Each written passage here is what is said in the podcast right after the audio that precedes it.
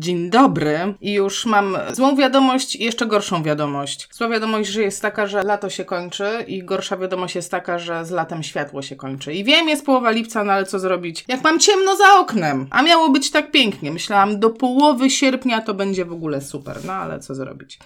No dobrze, moi drodzy, jesteśmy. Cyjnie, słuchajcie, zapraszam Was na grupę. Na grupie Fizjopozytywni dzieje się bardzo dużo dobrych rzeczy, bardzo dużo, tak po prostu po ludzku można się nauczyć, analizując przypadki. Chyba ostatni tydzień bym nazwała takim tygodniem rozkmin różnych przypadków. Teraz tuż przed live'em jeszcze żeśmy rozkminiali, czy y, sprzęt podlinkowany, taki ni to pionizator, ni to przesadzator, y, czy to ma szansę zadziałać, czy nie i w jakich wypadkach tak, a w jakich nie. Także słuchajcie, no z czystym sumieniem mówię, że tam jest fajnie i zapraszam Was. Mm, Dobrze. Co do dzisiejszego live'u, to y, pamiętajcie o tym, że to, co ja Wam mówię, zwłaszcza jeżeli będą nas oglądali pacjenci, bo na pewno przytuptają tutaj pacjenci, o ile już ich nie ma. Pamiętajcie o tym, że to nie jest recepta dla żadnej konkretnej osoby na wyleczenie siebie. To są materiały takie informacyjne, głównie kierowane do fizjoterapeutów, żeby mogli poszerzać swoje już duże i tak umiejętności i kompetencje, żeby lepiej wszystkim pomagać i nie chciałabym, żeby ktokolwiek traktował to jako takie punkty do odhaczenia i jakieś wskazówki do terapii konkretnej osoby. Tak od razu mówię. Będzie dzisiaj bardzo dużo różnych odnośników, ponieważ temat bólów krzyża jest bardzo, bardzo szeroki. Ja od razu zdefiniuję te bóle krzyża. Mówiąc o bólach krzyża, ja specjalnie wrzuciłam takie hasło, ponieważ w Polsce się tak mówi bóle krzyża. Generalnie będę mówić o niespecyficznych bólach dolnego odcinka e, pleców, związanych z jakimś typem, jakby w jakiś sposób upośledzających osobę, która cierpi na te bóle, czyli ograniczających jej funkcjonowanie, zwiększających jej, jej no, można powiedzieć, zmniejszających jej poziom sprawności. I w związku z tym, ponieważ temat jest super ekstra szeroki i zahacza o bardzo dużo różnych dziedzin, w czasie live'u będzie bardzo dużo odnośników do różnych miejsc, gdzie ja Was będę odsyłać, gdzie będziecie mogli sobie poszerzyć zakres wiedzy tej, o której ja mówię. Odnośniki. Będzie dużo odnośników, które będą Was odsyłały w inne miejsca, żebyście jeszcze sobie poszerzyli to, o czym ja będę mówić. I chciała, znaczy chciałabym, no to totalnie zależy od Was, ale jeżeli chcecie w pełni skorzystać z tego, co będę dzisiaj mówić, to warto wrócić potem do tego live'u i obejrzeć sobie go na spokojnie jeszcze raz i polecieć przy okazji za każdym razem, kiedy będę podawać ten odnośnik, pójść sobie do tego odnośnika. Przeważnie to będziecie potrzebowali kolejne pół godziny, żeby przebrnąć przez te materiały, które Wam pokazuję. Równocześnie, jeżeli jesteś pacjentem i skusił Cię temat, jak wyleczyć bólę krzyża, to skontaktuj się z fizjoterapeutą albo z lekarzem. To jest przede wszystkim pierwsze i kluczowe. I zapewniam, że naprawdę wszędzie, chyba no nie ma takiego miejsca w Polsce, żeby nie dało się znaleźć kogoś, kto Ci przyniesie pomoc. I nie zawsze ta pierwsza osoba musi być tą najlepszą, nie zawsze może być tak, że uda nam się trafić. Ludzie są różni, specjaliści są różni, różne są charaktery i tak dalej. Zawsze będę rekomendować konsultację z osobą ze świata medycznego, z zawodem medycznym, lekarzem, fizjoterapeutą. No dobra, no to przechodzimy do meritum, czyli do tego, jak leczyć bóle krzyża w nawiasie przewlekłe, a może nie w nawiasie, tylko z naciskiem na te przewlekłe. I po pierwsze, chciałam powiedzieć z taką dumą, że ja ze świadomością pełną użyłam słowa leczyć w odniesieniu do terapii fizjoterapeutycznej, bo tak, moi drodzy, jeżeli jeszcze to w jakiś sposób ominęło Was, to tak, my leczymy pacjentów, jak najbardziej leczymy pacjentów, zajmujemy się nimi, doprowadzamy do poprawy ich stanu funkcjonalnego, w związku z tym oni się polepszają, czyli jeżeli mieli jakąś dysfunkcję, wychodzą z niej, no to jest leczenie. My jesteśmy zawodem medycznym, mamy takie uprawnienia, żeby to robić, także my leczymy pacjentów jak najbardziej. I leczymy również tych chronicznych pacjentów. I teraz, kto to jest ten chroniczny pacjent? Kto to jest e, przewlekły pacjent? No bo generalnie w normalnej sytuacji, jeżeli mam jakiś ból, ból, e, teraz będziemy, generalnie wszystko, co będę mówić, odnosi się do bólów dolnego odcinka pleców. Niemniej w jakiś tam sposób można to sobie przetransferować na bóle, generalnie jakiekolwiek bóle przewlekłe, o charakterze przewlekłym. No bo normalnie sytuacja wygląda tak, że jeżeli masz jakiś problem, nie wiem, no cokolwiek wydarzyło się, uraz jakiegoś rodzaju, cokolwiek, to jest ten uraz i jest ból jako konsekwencja tego urazu. I mówiąc uraz, nie mam na myśli tylko tego, że ktoś cię zdzielił przez nery, tylko różnego rodzaju rzeczy, abstrahując od tego, co to był konkretnie za uraz. I w normalnej sytuacji następuje okres, w którym jest zdrowienie tkanek i po tym okresie zdrowienia nie powinno być już bólu. I to jest normalna sytuacja. I problem pojawia się wtedy, kiedy pomimo wyzdrowienia tkanek pozostaje ból. E, I taką roboczą ilością dni, tygodni, jaką się określa jako przewlekłość, to jest 6 tygodni, czyli powyżej 6 tygodni, te bóle, te tkanki tak naprawdę powinny być już wyleczone. Bo zobacz nawet taką sytuację, kiedy łamiesz rękę, wkładają ci ją w gips, po 6 tygodniach ona teoretycznie już jest zagojona. Więc jeżeli mamy ból, który utrzymuje się powyżej 6 tygodni, prawdopodobnie trzeba się zastanowić, co tam się wydarzyło, że on się utrzymuje.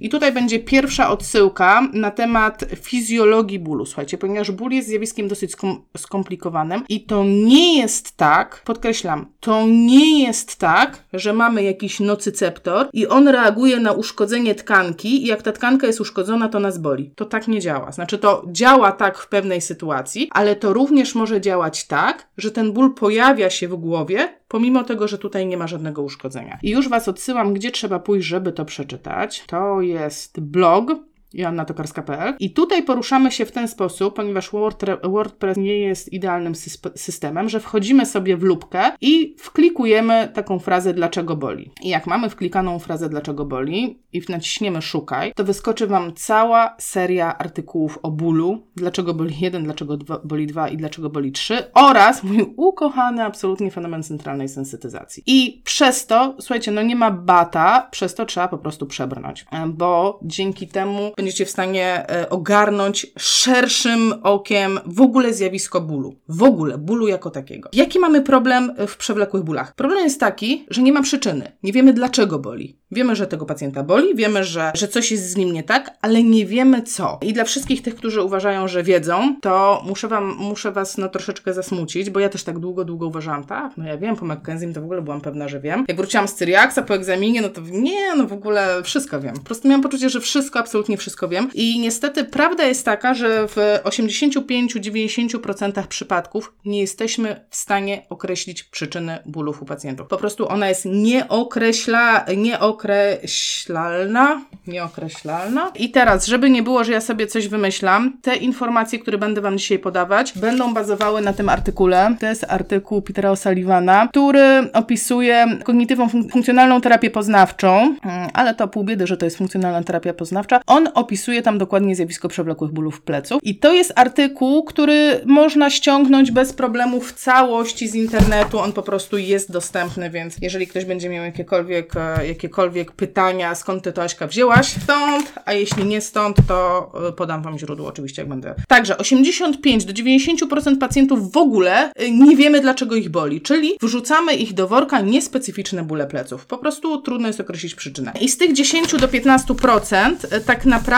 tylko 5 do 10% będzie takimi patolo patologiami poważnymi. Ja to sobie tak myślę, mm, tak sobie to w głowie układam, że w sumie z bólami pleców to jest troszeczkę tak jak z otyłością. Wszyscy niby wiedzą, że to jest takie proste, że no co, no za dużo je, no to jest gruby, no to trzeba mniej jeść, czyli wszyscy po prostu znają banalnie prostą poradę, a w jakiś sposób społeczeństwo tyje, tyje, tyje, tyje, tyje, czyli program, problem narasta i dokładnie tak samo jest z bólami pleców. Niby to takie proste. Znowu, do wszystkich, którzy uważają, że znają magiczne rozwiązanie na ból pleców, no to jeżeli mamy takie magiczne rozwiązania, a mamy takie metody, które istnieją już od bardzo, bardzo dawna, które są właśnie celowane, no ale z jakiegoś powodu liczba bólów pleców rośnie. I teraz Wam pokażę inny artykuł, też polecam, żeby się zapoznać. I to jest nasz polski artykuł, jest po polsku, występowanie zespołów bólowych kręgosłupa, przyczyny i leczenie. To jest artykuł ze Śląska, lubimy się ze Śląskiem. I to, co chciałam Wam pokazać z tego artykułu, co mnie szczególnie zainteresowało, to, że dane epidemiologiczne wskazują, że blisko 80% społeczeństwa, i oni pisząc tutaj 80% społeczeństwa, mają na myśli całe społeczeństwo na całym świecie. Na całym świecie 80% społeczeństwa cierpi z powodu dysfunkcji kręgosłupka i tkanek okołokręgosłupowych. I dolegliwości są e, istotnym problemem medyczno-społeczno-ekonomicznym, więc słuchajcie, to nie jest takie proste i nie można bagatelizować tego problemu. I to, co zakreśliłam jeszcze, to, że pomimo rozwoju medycyny oraz znajomości zasad ergonomii, liczba osób uskarżających się na omawiane schorzenia systematycznie rośnie. Prawdopodobnie z tą ergonomią, to ja tutaj Was, uwaga, kolejne odsyłanie będzie teraz. Odeślę Was do, też na moją stronę, do artykułu Kręgosłup, dyskopatia, ból pleców, a może po prostu źle siedzisz. I tutaj macie cały rozdział o ergonomii i żeby Wam takiego teasera zrobić, chociaż trochę zdradzę pewnie, no ale ci, którzy są ze mną od dawna, to na pewno już wiedzą. Generalnie nie ma czegoś takiego jak ergonomia, znaczy to po prostu nie działa. O tak, w takim dużym telegraficznym skrócie to po prostu nie działa. Nie da się zainwestować 3000 e, w super krzesło i już e, będzie po bólach pleców. To po prostu tak nie działa i to już wiemy na ten moment na pewno. Więc tak, no to jak to jest e, z tymi bólami pleców, tak? No to, no to jak to ugryźć, w jaki sposób analizować je, żeby rzeczywiście faktycznie zacząć pomagać tym pacjentom. Ja Wam podam kilka takich grup przyczyn bólu pleców oraz pomysłów na to, w jaki sposób możemy na nie wpłynąć jako fizjoterapeuci. I mm, tak naprawdę wierzę w to, że każdy z nas, e, z fizjoterapeutów, ma tak jakby w swoim koszyku, w swojej torbie zasób jakichś narzędzi. Każdy z nas skończył studia, które są studiami no co najmniej trzyletnimi, jak nie pięcioletnimi. Każdy z nas ma jakieś doświadczenie, chodzimy na mnóstwo kursów, także my mamy narzędzia i chodzi tylko o to, żeby je zacząć używać, jakby to ująć, no tak jakby nieco szerzej niż do tej pory. Choć e, z tego, co widziałam, co pisaliście pod tym postem, to mnóstwo osób e, generalnie już robi tak i mm, de facto niepotrzebnie jest tutaj, tak? Chyba, że tak dla potwierdzenia swoich, e, swoich, swojego postępowania z pacjentami. No, więc zacznijmy. Pierwsza grupa przyczyn bólów dolnego odcinka pleców, tych przewlekłych przyczyn, to są przyczyny ogólnie nazywane patoanatomiczne. Patoanatomia, czyli zmiany anatomiczne różnego rodzaju. I tak jak Wam już powiedziałam, tylko 8 do 15% pacjentów w ogóle jakby da się u nich określić konkretną przyczynę tych bólów. Tylko do 15% pacjentów, zobaczcie jak to jest niedużo. Z czego tylko 5 do 10% ma te objawy takie ostre, te niebezpieczne, te, które się nazywa objawami z ogona końskiego, czyli czerwone flagi, jeszcze będę potem o nich mówić. Tych pacjentów nie ma dużo, niemniej bardzo ważne jest, żeby potrafić ich wychwycić i właśnie dlatego pierwszą rzeczą, którą powiedziałam w czasie tego live'u to było, jeżeli masz bóle pleców, naprawdę współpracuj z fizjoterapeutą albo z lekarzem, bo on ma tą wiedzę, a masażysta nie będzie miał tej wiedzy. No przekro mnie. Nie wiem, trener personalny nie będzie miał tej wiedzy. Pff, tak po prostu. Od tego są zawody medyczne. Niemniej, jeśli chodzi o pataanatomię, to znowu, I'm sorry, ale sam fakt istnienia zmian anatomicznych słabo koreluje z objawami e, klinicznymi. Czyli innymi słowy, możesz mieć duże zmiany i nie czuć w ogóle bólu, albo możesz w ogóle nie mieć zmian i bardzo cierpieć. I generalnie, i generalnie to dokładnie tak działa. I jeżeli chcesz wiedzieć na ten temat więcej i na przykład wydaje Ci się, co ta tokarska teraz pleci, wiadomo, że zmiany zwyrodnieniowe bolą, to odsyłam Cię, już nie będę się przełączać, ale odsyłam Cię na dół tutaj przeskrolować sobie e, profil fizjopozytywni i tam jest taki live, w którym ja dzielę się wiedzą, jaka była na warsztatach Petera Osa Sullivana, czyli mistrza bólu pleców i mistrza bólu e, autora tegoż artykułu. Tam są podane takie twarde dane, jakie zmiany anatomiczne mają, jakie poszczególne grupy e, ludzi i jak one wpływają, od razu podpowiem, że nie wpływają na dolegliwości bólowe. Generalnie zmiana anatomii nie oznacza bólu. I to trzeba zaakceptować. I znaczy może inaczej, nie oznacza. Słabo koreluje, żebym była, żebym była tak w zgodzie już w 100% z wiedzą naukową. I teraz, jeżeli pacjent ma w badaniach swoich. Zmiany anatomiczne różnego rodzaju, no to jakby są dwa aspekty tych zmian. Ponieważ są takie zmiany, które odwrócić się nie da i są takie zmiany, które odwrócić się da. I teraz te zmiany, których odwrócić się nie da, jeżeli podamy pacjentowi tą informację w niewłaściwy sposób, no to sprawimy, że będzie słabo się czuł. I dam Wam przykład, o co chodzi. Jest to przykład z mojego życia, to jest mój osobisty przykład, to jestem ja, konkretnie. Jak zaczęłam studiować fizjoterapię, zrobiłam sobie na jakimś etapie rentgen pleców, bo mnie po prostu bolały plecy, przewlekłe niespecyficzne bóle pleców. Poszłam do jednego z wykładowców, pokazuję mu, no a co Pan sądzi na ten temat? On mówi, nie, no, no, no przecież tutaj, no wiadomo, no widać, no, no masz guzki szmorla, osteofity, no generalnie, no przechodzona choroba Scheuermana. Okej, okay, nie mam pojęcia o czym do mnie mówi, no ale zawsze zasada jest taka, zachowaj dobrą twarz, ale dobrze zapamiętaj nazwę choroby, żeby potem sobie sprawdzić i to nie są czasy, gdzie można było coś wygooglować, ja musiałam pójść do biblioteki. Otwieram książkę, czu, czu, czu, choroba Scheuermana, jałowa martwica kości. No po prostu ekstra. Po prostu fantastycznie. Czyli właśnie dostałam informację w wieku 21 lat, że mam przechodzoną jałową martwicę kości, mam zmiany anatomiczne, które są nieodwracalne, mam jakieś pierdzielone dziury w kręgach, które są nazywane guzkami, nikt nie wie dlaczego guzki, skoro to są dziury, że mam sklinowacenie kręgów i o Boże, to znaczy, że już koniec, czas umierać, zawinąć się prześcieradło i umierać. Czyli to, co odczuwałam i to, co odczuwają nasi pacjenci, to jest stres i poczucie bezradności. Dwa takie duże czynniki, później będę mówić o czynnikach psychologicznych, które będą zmniejszały szanse na wyzdrowienie. Więc to jest ta jedna strona patologii, czyli te patologie, których nie da się naprawić, ale z drugiej strony mamy grupę patologii, które są totalnie naprawialne. I tymi patologiami są na przykład dyskopatie, takie ukochane. O, mam dyskopatię, protruzję L4-5, no tutaj na rezonansie po prostu wyjechało mi. Do tego cała filozofia pączka, tak, pączek rozgnieciony, jądro wylało się. No i super. I teraz jeżeli ten pacjent nie dostanie ode mnie informacji, proszę pana, te zmiany prawdopodobnie naprawią się samoistnie w przeciągu dwóch lat, no to on będzie żył w przeświadczeniu, że już jest skończony, że już tego dysku nie ma. On mu wybuch, wyskoczył mu, w ogóle no dramat się stał. Więc do nas należy właściwa komunikacja z pacjentem i właściwa też interpretacja tego, co widzimy w badaniach. I są również rekomendacje już w niektórych publikacjach pojawiają się, żeby nie kierować pacjentów z przewlekłymi bólami pleców na badania obrazowe, że to jest szkodliwe, bo to daje tylko potwierdzenie pacjentowi tego, że ma przyczynę bólu, która wcale naukowo nie jest przyczyną, ponieważ, tak jak Wam powiedziałam, zmiany patoanatomiczne słabo korelują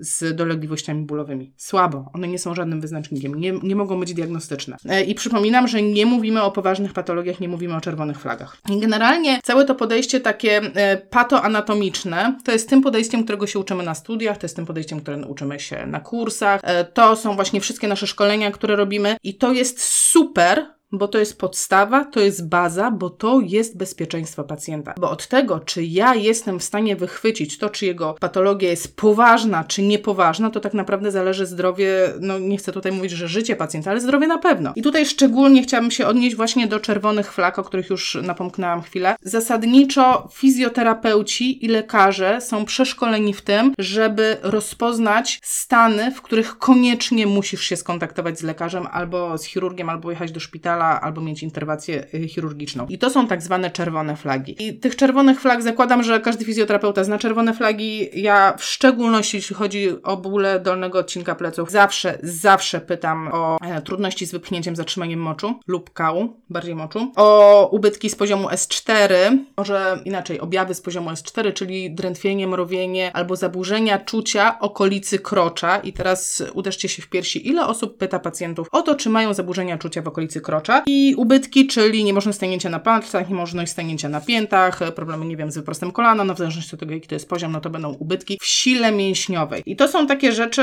które my wiemy i które dla nas nie stanowią problemu, są w rekomendacjach kifowskich, każdy te czerwone flagi powinien znać w ogóle w nocy o północy i dla mnie ta część, ta, to wszystko, o czym Wam powiedziałam, ta patoanatomiczna jest super, hiper ważna, bo jest bazą do prowadzenia całej terapii. To jest podstawa, bo to jest bezpieczeństwo pacjenta. Ale to nie jest wszystko. To jest tylko wciąż część podejścia, dlatego że gdyby to było takie proste i dałoby się trach, trach, trach rozwiązać go, no to nie byłoby problemu 80% społeczeństwa z bólami krzyża, tak? A jednak mamy ten problem. Więc przechodzimy do następnych czynników, jakie mogą mieć wpływ na dolegliwości bólowe dolnej części pleców. To są czynniki fizyczne, czyli to, w jaki sposób dana osoba żyje, w jakie ma obciążenia w ciągu dnia, jaką ma pracę, jakie, jakie ma hobby w postaci sportów, co ona generalnie sobą reprezentuje pod kątem nawyków, ponieważ dla odmiany to, co jest powtarzalne, co jest nawykowe, co nagminnie występuje w ciągu życia, to dla odmiany to bardzo dobrze koreluje z bólami krzyża. W związku z tym to będziemy chcieli w jakiś sposób zmieniać. I teraz ja znalazłam taki bardzo fajny wykres. On nie jest z tego artykułu, o którym Wam mówiłam. To jest wykres Stuarta McGilla, ale przemawia do mnie totalnie. I zobaczcie, co tu jest napisane. Tu jest generalnie poziom wysiłku fizycznego, i taka linia naszej tolerancji, czyli każdy z nas ma jakąś tolerancję na znoszenie e, obciążeń fizycznych. No i my sobie funkcjonujemy w jakiejś tam przestrzeni i dopóki jesteśmy poniżej tej linii tolerancji, wszystko jest ok, nasze ciało wszystko jest w stanie przenieść, no bo po prostu wszystko jest ok. Problem jest taki, jeżeli nasze obciążenia idą do góry i wchodzimy poza poziom tolerancji, albo obniża się tolerancja, czyli jednym słowem jedno nachodzi na drugie i wtedy pojawia się kłopot ponieważ wtedy pojawia się stres, pojawia się ten czynnik rzeczywiście przeciążający i w związku z tym organizm reaguje przeważnie nadmiernym napięciem obronnym mięśni. I teraz, i to napięcie, jeżeli mówimy o fazie takiej ostrej, o fazie wczesnej, jest spoko, bo ono jest obronne, ono pełni swoją rolę. Gorzej jest, jeśli problem, jakby przyczyna tego napięcia już dawno jest rozwiązana, a ono wciąż zostało. I jeżeli ono zostało, to zresztą jak popatrzycie sobie na tych pacjentów, jak na przykład robimy najprostszy na świecie test, nie wiem, palce podłoga, to tak naprawdę pacjenci bólowi, oni mają problem z tym, żeby rozluźnić mięśnie, żeby pochylić się do przodu i odpuścić całkowicie. Oni tracą tą umiejętność, no bo to jest właśnie to obronne napięcie, które cały czas przetrwało. I teraz co się dzieje z tym napięciem? Ono, jakby jego istnienie przeradza się w nawyki obronne, w nawyki związane z bólem. I co to są za nawyki? Mamy szereg zachowań związanych z bólem, czyli na przykład podpieranie się, się, spinanie brzucha, zanim usiądę, ciągłe takie przeginanie się, ciągłe sprawdzanie, czy na pewno jeszcze boli i gdzie boli i jak boli. I na pewno jak sobie przypomnicie, tak sobie zwizualizujecie tych pacjentów bólowych, to oni się tak zachowują w dosyć specyficzny sposób i to są zachowania związane z bólem. I generalnie te zachowania, tak w dużym telegraficznym skrócie można je wrzucić do worka ograniczenie zakresu swojej ruchomości. Drugim rodzajem zachowań będą zachowania komunikujące ból, czyli różnego rodzaju grymasy, jakieś odgłosy, głosu. Oj, oj, oj, oj, oj. Czyli komunikowanie tego, że ja cały czas cierpię, mnie cały czas boli. I kolejną rzeczą, trzecią, jeśli chodzi o zachowania i reakcje obronne, będą reakcje z układu współczulnego, czyli reakcje w postaci przyspieszonego oddechu, przyspieszonego bicia serca, wzmożonego pocenia się, drgania powieki, zwiększonego napięcia, które będą się pojawiały w momentach konfrontacji z sytuacjami, które w przekonaniu pacjenta są przyczyną jego bólu. I ja o tych przekonaniach już mówiłam i znowu odsyłam kolejne odesłanie w tej chwili, jak sobie znowu przeskrolujecie, nie tak daleko, bo to było chyba ze dwa tygodnie temu, był cały live na temat core stability. I w ramach tego live o core stability ja tam e, mówiłam o takim modelu unikania, gdzie tak naprawdę różnica pomiędzy tym, czy ktoś wyzdrowieje, a nie wyzdrowieje, polegała na tym, czy on potrafi się skonfrontować z własnymi przekonaniami, z własnym bólem, z własnymi problemami i dzięki temu pójść dalej do wyzdrowienia. I to jest właśnie ta konfrontacja. I chciałam Wam powiedzieć, no, że tak jakby te wszystkie rzeczy nakładają się razem i my jesteśmy od tego, żeby go przeprowadzić przez ten proces, bo to przeważnie są jakieś rzeczy albo fizyczne, albo przekonania. Zaraz do nich dojdę. E, tak ogólnie, dlaczego mnie się to podoba, ten wykres? Ponieważ on e, w dużym takim telegraficznym skrócie daje e, tak naprawdę metodologię do prowadzenia terapii. Bo jakie mam wyjście, jeżeli obciążenia nachodzą mi na tolerancję? Mam wyjście albo podwyższy, podwyższyć poziom tolerancji, czyli wrzucić go w trening, albo obniżyć poziom obciążeń, czyli zmodyfikować jego nawyki, zmodyfikować jego postępowanie w ciągu dnia, albo zrobić jedno i drugie. I generalnie, tak, żeby zupełnie sobie ogólnie tych pacjentów ocenić, będziemy mieli różne, różnego rodzaju sytuacje. Jeżeli ktoś ma pracę, w której cały czas przekłada z lewa na prawo, z lewa na prawo, pracuje na taśmie, no to wszyscy mówią, no tak, no już wiadomo, że nie rzuci, nie rzuci pracy, musi, yy, musi w jakiś sposób zarabiać pieniądze na życie, no to to będzie ten pacjent, któremu będę chciała podnieść tolerancję, tak? Skoro on musi to robić, no to znaczy, że ja muszę zrobić coś, żeby żeby mógł to robić. W drugą stronę, jeżeli mam kogoś, i to na przykład też są charakterystyczni pacjenci, którzy mają bardzo dużą tolerancję, na przykład sportowcy, a mimo to cierpią na jakieś dolegliwości, no to może im trzeba zmniejszyć obciążenia, tak? Więc jakby ogólnie grając tymi dwoma czynnikami możemy już dużo ugrać w terapii. Dobrze, idziemy dalej. Czynniki fizyczne już za nami. Przechodzimy do czynników psychologicznych. I w tym momencie połowa osób, którzy uważają za, że e, fizjoterapeuta nie powinien się zajmować psychologią, trzasnęło drzwiami i wyszło, ale spoko. Generalnie jeśli chodzi o czynniki psychologiczne, podzieliłam je sobie na dwa rodzaje, na poznawcze i emocjonalne. I poznawcze to jest jednym słowem wszystko to, co nam się kiełbasi w głowie, to co nam się, to co nam cały czas leci w głowie, czyli nasze przekonanie. Co ja sądzę, co ja uważam, jak mnie się wydaje. I takimi dwoma przekonaniami szkodliwymi jest e, piękne polskie słowo katastrofizacja. Naprawdę nie znam lepszego, ale takie słowo jest catastrophizing. Takie słowo jest używane w literaturze. No więc no chyba trzeba zacząć je używać w Polsce. Ja mówiłam o demonizacji, ale rzeczywiście taka katastrofizacja to by chyba było to. Chodzi o to, że takie, takie przesadne, e, przesadne myślenie nad tym, co się może wydarzyć. Czyli o Boże, już nigdy nie będę zdrowy. Kręgosłup mi się rozpadł na kawałki. Mam złamany kręgosłup, skończę na wózku. To jest katastrofizacja. I przy tej katastrofizacji bardzo często idzie już poczucie bezradności, o którym już mówiłam na samym początku, że jeżeli ktoś mi podał informację, dobra, słuchaj, masz zmiany anatomiczne, których się już nie da naprawić, a jeszcze nie daj Boże usłyszał moją ulubioną frazę i tutaj lekarze uderzcie się w piersi, bo to wy tak mówicie bardzo często, ale fizjoterapeuci też, żeby nie było. Proszę się przyzwyczaić do bólu. Proszę pokochać ten ból. No, trzeba nauczyć się żyć z tym bólem. Really? Naprawdę? Chciałem zobaczyć, ile osób uczy się żyć z bólem na własne życzenie. No hello, no przecież po to przyszedł do nas, żeby jednak go troszeczkę mniej bolało. Więc przekonania, czyli katastrofizację. Jak sobie wydrukujecie ten artykuł, to tutaj jest cała tabela przykładów takiego katastroficznego myślenia. Czyli coś, jak ci się wydaje, co jest przyczyną twojego bólu? Coś jest zniszczone. To są przekonania pacjentów. E, gdzie widzisz się w przyszłości? Hmm, zawsze będę słaby. Muszę się chronić. I jak będę starszy, to na pewno mi się pogorszy. To są przykłady z tabeli. I z drugiej strony się w ogóle nazywa takie ładne słowo ruminacje, czyli takie myślenie cały czas, że na pewno coś będzie nie tak, że kurde, ja pierdzielę, na pewno. Pojadę po wodę do Auchan i jak ją wyjmę z bagażnika, to po prostu rozpadnie mi się desk, wystrzelą mi te dyski jak pestki z pomiędzy palców. Nie będę się teraz odnosić do tego.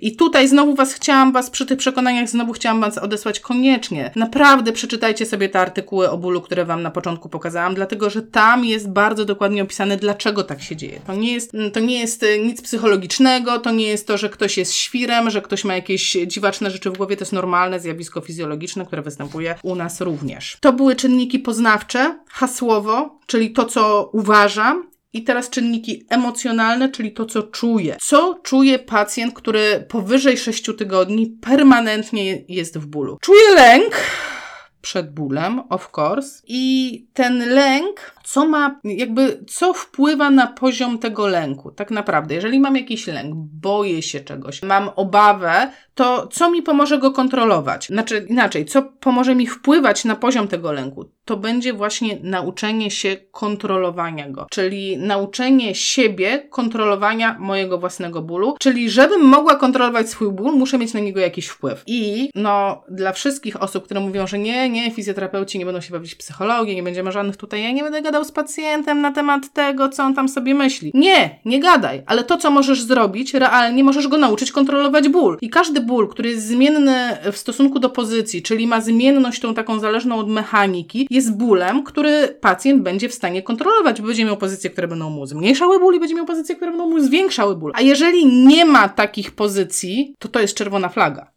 Tak tylko chciałam powiedzieć. Czyli kontrolowanie bólu. Druga rzecz to jest przewidywalność tego bólu. Czy jestem w stanie przewidzieć, kiedy on mnie może dopaść, a kiedy może mnie nie dopaść. I trzecia rzecz to intensywność bólu, czyli wpływ na to, jak bardzo mnie boli, ale to też podchodzi w sumie pod kontrolowanie. I zobaczcie, że na wszystkie te czynniki my mamy wpływ jako fizjoterapeuci i bez, że tak powiem, przeprowadzania psychoterapii, do czego absolutnie nie jesteśmy wykwalifikowani, jesteśmy w stanie nauczyć pacjenta poprzez ciało innego myślenia, czyli poprzez ciało będziemy wpływać na psychę, co w sumie nie powinno być takie nawet dziwne. Więc mamy emocje, mamy lęk, mamy strach i mamy kontrolowanie tego lęku poprzez skonfrontowanie się z trudnymi sytuacjami i nauczenie się kontroli ich. Kolejne, kolejna grupa czynników to są czynniki społeczne, czyli to, kim jest mój pacjent, jakie ma wykształcenie, w jakich warunkach mieszka, jak pracuje, jakie ma relacje w rodzinie, co się generalnie z nim dzieje, ponieważ to są rzeczy, które również będą miały wpływ na dolegliwości bólowe, na ich zwiększenie bądź zmniejszenie i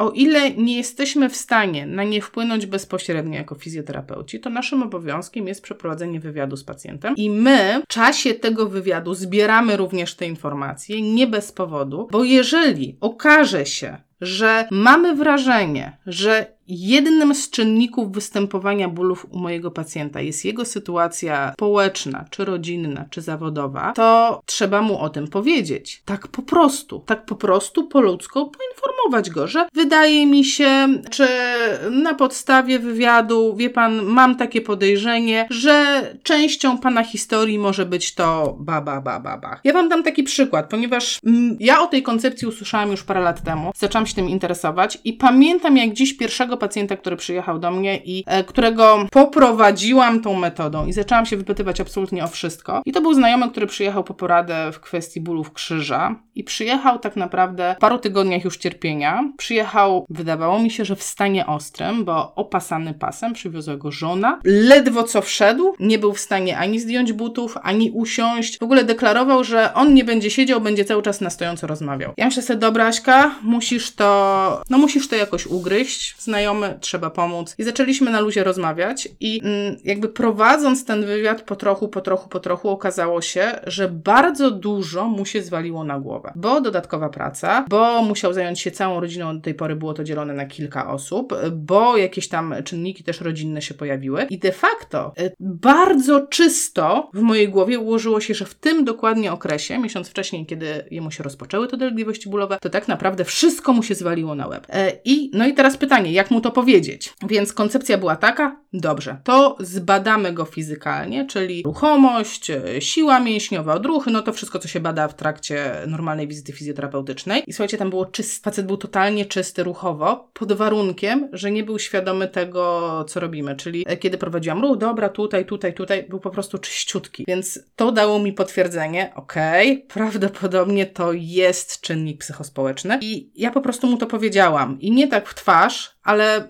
po prostu powiedziałam mu, słuchaj, wydaje mi się, że bardzo dużo masz na głowie, wydaje mi się, że bardzo dużo e, tutaj się przytrafiło w tym okresie, w którym ci wszedł ból. No i zaczęłam mu pokazywać, zobacz, tu skręcasz e, nogi totalnie w jedną stronę, tu totalnie skręcasz w drugą, tu się schyliłeś, no jesteś w innej pozycji, ale zobacz, cię jesteś w totalnym zgięciu. Generalnie nie masz żadnych e, powodów, żeby cię bolało. I finał był taki, zajęło to prawie trzy godziny, ale facet wstał, zdjął pas, normalnie założył skarpetki, po prostu jak ręką odjął ból, którego paraliżował. Mówi, co ja zrobię z tymi lekami za 800 zł. On miał leki wykupione na 800 zł. I to było dla mnie po prostu jak kubeł zimnej wody, że to, co robiłam do tej pory, to jest po prostu za mało. Tak po prostu. Podejście to patoanatomiczne to jest tak po prostu za mało. Trzeba się wgryźć więcej. I dlatego Wam o tym tak mówię, dlatego się na tym tak rozwodzę, ponieważ to po prostu działa. Jeżeli chcemy pomagać pacjentom na serio, no to musimy się o to zapytać. Nie można lekceważyć takich rzeczy, koniec kropka. Dobra, już nie ględzę na temat, e, na temat czynników e, społecznych. Idziemy dalej. Czynniki związane ze stylem życia. Kolejna rzecz, niby oczywista, ale powiedzmy sobie tak szczerze, ja dopiero od może dwóch lat zadaję takie proste pytanie, a jak u Pana ze snem? Jak Pan śpi? Czy Pan się wysypia? Czy w nocy nic nie wybudza? Takie proste rzeczy o styl życia. Jest udowodnione, że zarówno dolegliwości, występowanie dolegliwości bólowych leców zmniejsza jakość snu, pogarsza jakość snu i tak samo w drugą stronę gorsza jakość snu predysponuje do gorszych wyników, jeśli chodzi o bóle pleców, czyli do pogorszenia tak naprawdę. Więc o sen należy zawsze zapytać. Drugą rzeczą, którą należy zapytać, to będzie aktywność fizyczna. I z tą aktywnością fizyczną to nie jest tak, że wystarczy, żeby się ruszał, a potem nie, ponieważ ona ma dwa bieguny i znowu mam dla Was wykresik. Tak wygląda wykres dolegliwości bólowych i aktywności fizycznej. Dobra, kamera, sfokusuj się. Dobra, sfokusowała się. O co chodzi? LBP to jest low back pain, czyli występowanie tych bólów e, dolnego odcinka pleców. I zobaczcie, jeśli chodzi o aktywność fizyczną, to zarówno kiedy jest jej za mało, i tu jest 90 minut na tydzień i to jest za mało, wzrasta ryzyko wystąpienia bólów pleców, ale jeżeli jest jej za dużo i to za dużo to jest 100 minut dziennie, również wzrasta ryzyko bólu pleców. Czyli ten taki konsensus i to, co jest najbardziej wartościowe, jest gdzieś po środku. Czyli z, z aktywnością fizyczną ani za dużo, ani za mało, w żadną stronę nie będzie to dobrze. Takim czynnikiem związanym ze stylem życia będzie występowanie otyłości brzusznej. Coraz więcej dowodów jest na to, że otyłość brzuszna z jednej strony może w jakiś sposób mechanicznie wpływać na kręgosłup, ale z drugiej strony jest przyczyną stanów zapalnych i w tych stanach zapalnych upatruje się również przyczyn długotrwało występujących bólów. To, co jest słabo tak naprawdę jeszcze udokumentowane, ale gdzieś tam pojawia się w literaturze, to jest związek palenia z bólami dolnego odcinka pleców. I jak tak sobie pobieżnie przejrzałam strony medyczne w Polsce, to tam jednak to palenie się podkreśla. Rzuć palenie, rzuć palenie. Ten związek jest taki sobie, niemniej na tyle mocny, że można już rekomendować rzucenie palenia, jeżeli chce się mieć polepszenie stanu, jeśli chodzi o do, bóle dolnego odcinka pleców. I będzie to dobrze korespondowało z ostatnią grupą czynników, o których chciałam powiedzieć, czyli ten ogólny stan zdrowia, czyli gospodarka hormonalna, zaburzenia psychiczne, zaburzenia jelitowe, jakieś nietolerancje pokarmowe, jakieś niespecyficzne dolegliwości typu męczliwość, właśnie złe spanie, tego typu rzeczy, to również wszystko będzie miało wpływ. I o ile no nie jesteśmy absolutnie od tego, żeby tam, nie wiem, leczyć męczliwość, czy bezsenność, czy zespół jelita drażliwego, ja absolutnie nie czuję się kwalifikowana, żeby zajmować się zespołem jelita drażliwego. Niemniej zapytać o to jest jak najbardziej na miejscu i ewentualnie poprosić o wsparcie, czy zasugerować pacjentowi, że być może coś się dzieje więcej, jest jak najbardziej na miejscu. I ja na przykład moich pacjentów zawsze, zawsze, zawsze pytam o jelita, o to, jak trawią, jak się czują po jedzeniu i jakie kupy robią, jak te kupy się zachowują, ponieważ ponieważ kupa jest super ważna. Drugą super ważną rzeczą, no jeśli chodzi, znaczy super ważną, no nie wiem czy taką super ważną, ale ja się zawsze o to pytam, to są też gazy, czy występują, a jeżeli występują, to jaki mają zapach e, i tak dalej. Nawet kiedyś całe story poleciało na Instagramie na ten temat. Zresztą to było bardzo popularne story o bąkach. Dobrze. I w ten sposób, słuchajcie, przeleciliśmy tak naprawdę przez te wszystkie czynniki, które uwzględniane są przez Petera O'Sullivana. Ja nie będę się wgłębiać w funkcjonalną terapię poznawczą, bo ja się po prostu na tym nie znam i nie będę udawała, że tak jest, ale uważam, że to co oni zbadali, to co oni zebrali, to naprawdę jesteśmy w stanie wykorzystać w terapii tu i teraz przy pomocy takich narzędzi i takich umiejętności, jakie już mamy. Nie trzeba mieć tak naprawdę dużo więcej, żeby zacząć to robić, bo większość masz już, tylko po prostu trzeba jakby poszerzyć to spektrum swojego zainteresowania. Dla przypomnienia były to czynniki patoanatomiczne, czyli wszystko to, się, co się zmienia w anatomii, podziałem na to, czy to jest odwracalne, czy nieodwracalne. Potem były czynniki fizyczne, czyli to, jak ten pacjent się zachowuje, jak on żyje. Potem były czynniki psychologiczne, co on sądzi o tym i co on czuje na temat swojego bólu. Potem społeczne, czyli w jakiej on jest sytuacji zawodowej, ekonomicznej, rodzinnej, co to jest za pacjent. I na końcu czynniki związane ze stylem życia, czyli czy uprawia ruch, czy się wysypia, a także jaki jest jego ogólny stan zdrowia. Czyli tak de facto, no to nie jest tak strasznie dużo. Niemniej muszę Wam powiedzieć, że odkąd ja w ten sposób podchodzę do pacjentów bólowych, ja nie potrafię zejść z pierwszą wizytą poniżej półtorej godziny. Nie udało mi się to jeszcze, może kwestia tego, że po prostu nie mam jeszcze dobrych narzędzi, żeby to w jakiś sposób zagęścić. Jednak wysłuchuję pacjentów, to jest dla mnie super ważne, nie przerywam i może dlatego to tyle zajmuje. Jeżeli macie jakieś lepsze sposoby, podzielcie się nimi w komentarzu. Myślę, że będzie to super wartościowe dla innych. Ja z mojej strony życzę Wam udanych terapii, owocnych i żebyśmy tak zaczęli rozwiązywać ten problem przewlekłych bólów. Ale to by było, kurczę, Polacy. Cały świat 80%, a u Polaków tylko 40% ludzi cierpi na bóle krzyża. Czujecie tę akcję? Jakbyśmy to zrobili? No. Przejrzę sobie szybciutko komentarze. To jak ćwiczyć z pacjentem e, z retrolistezą? To zależy, co to za pacjent. Nie ma właśnie takiego jednego rozwiązania. Piękne włosy, dziękuję, starałam się. Styl ala J-Lo. Czy tylko ratuje operację? Nie mam odpowiedzi na to pytanie, bo to jest pacjent e, indywidualny. Piszę jako pa pacjent. Dobrze, odczytamy później. Gdzie te artykuły będą? Te artykuły są tam, gdzie pokazałam. Joanna Tokarska.pl Tak, tak, tak, tak, tak. A jak należy rozumieć przy tym wykreśli aktywność fizyczną, czyli uprawianie sportu, yy, treningi. Ciekawe, nie wiedziałam, że palenie może wpływać na ból. Też nie wiedziałam, dowiedziałam się, ale nie za dużo, więc nie panikujmy. Dobrze, moi drodzy. Znowu poniosło mnie troszkę z czasem, ale daliśmy radę. Ściskam Was, idę odpowiadać na komentarze. Mua!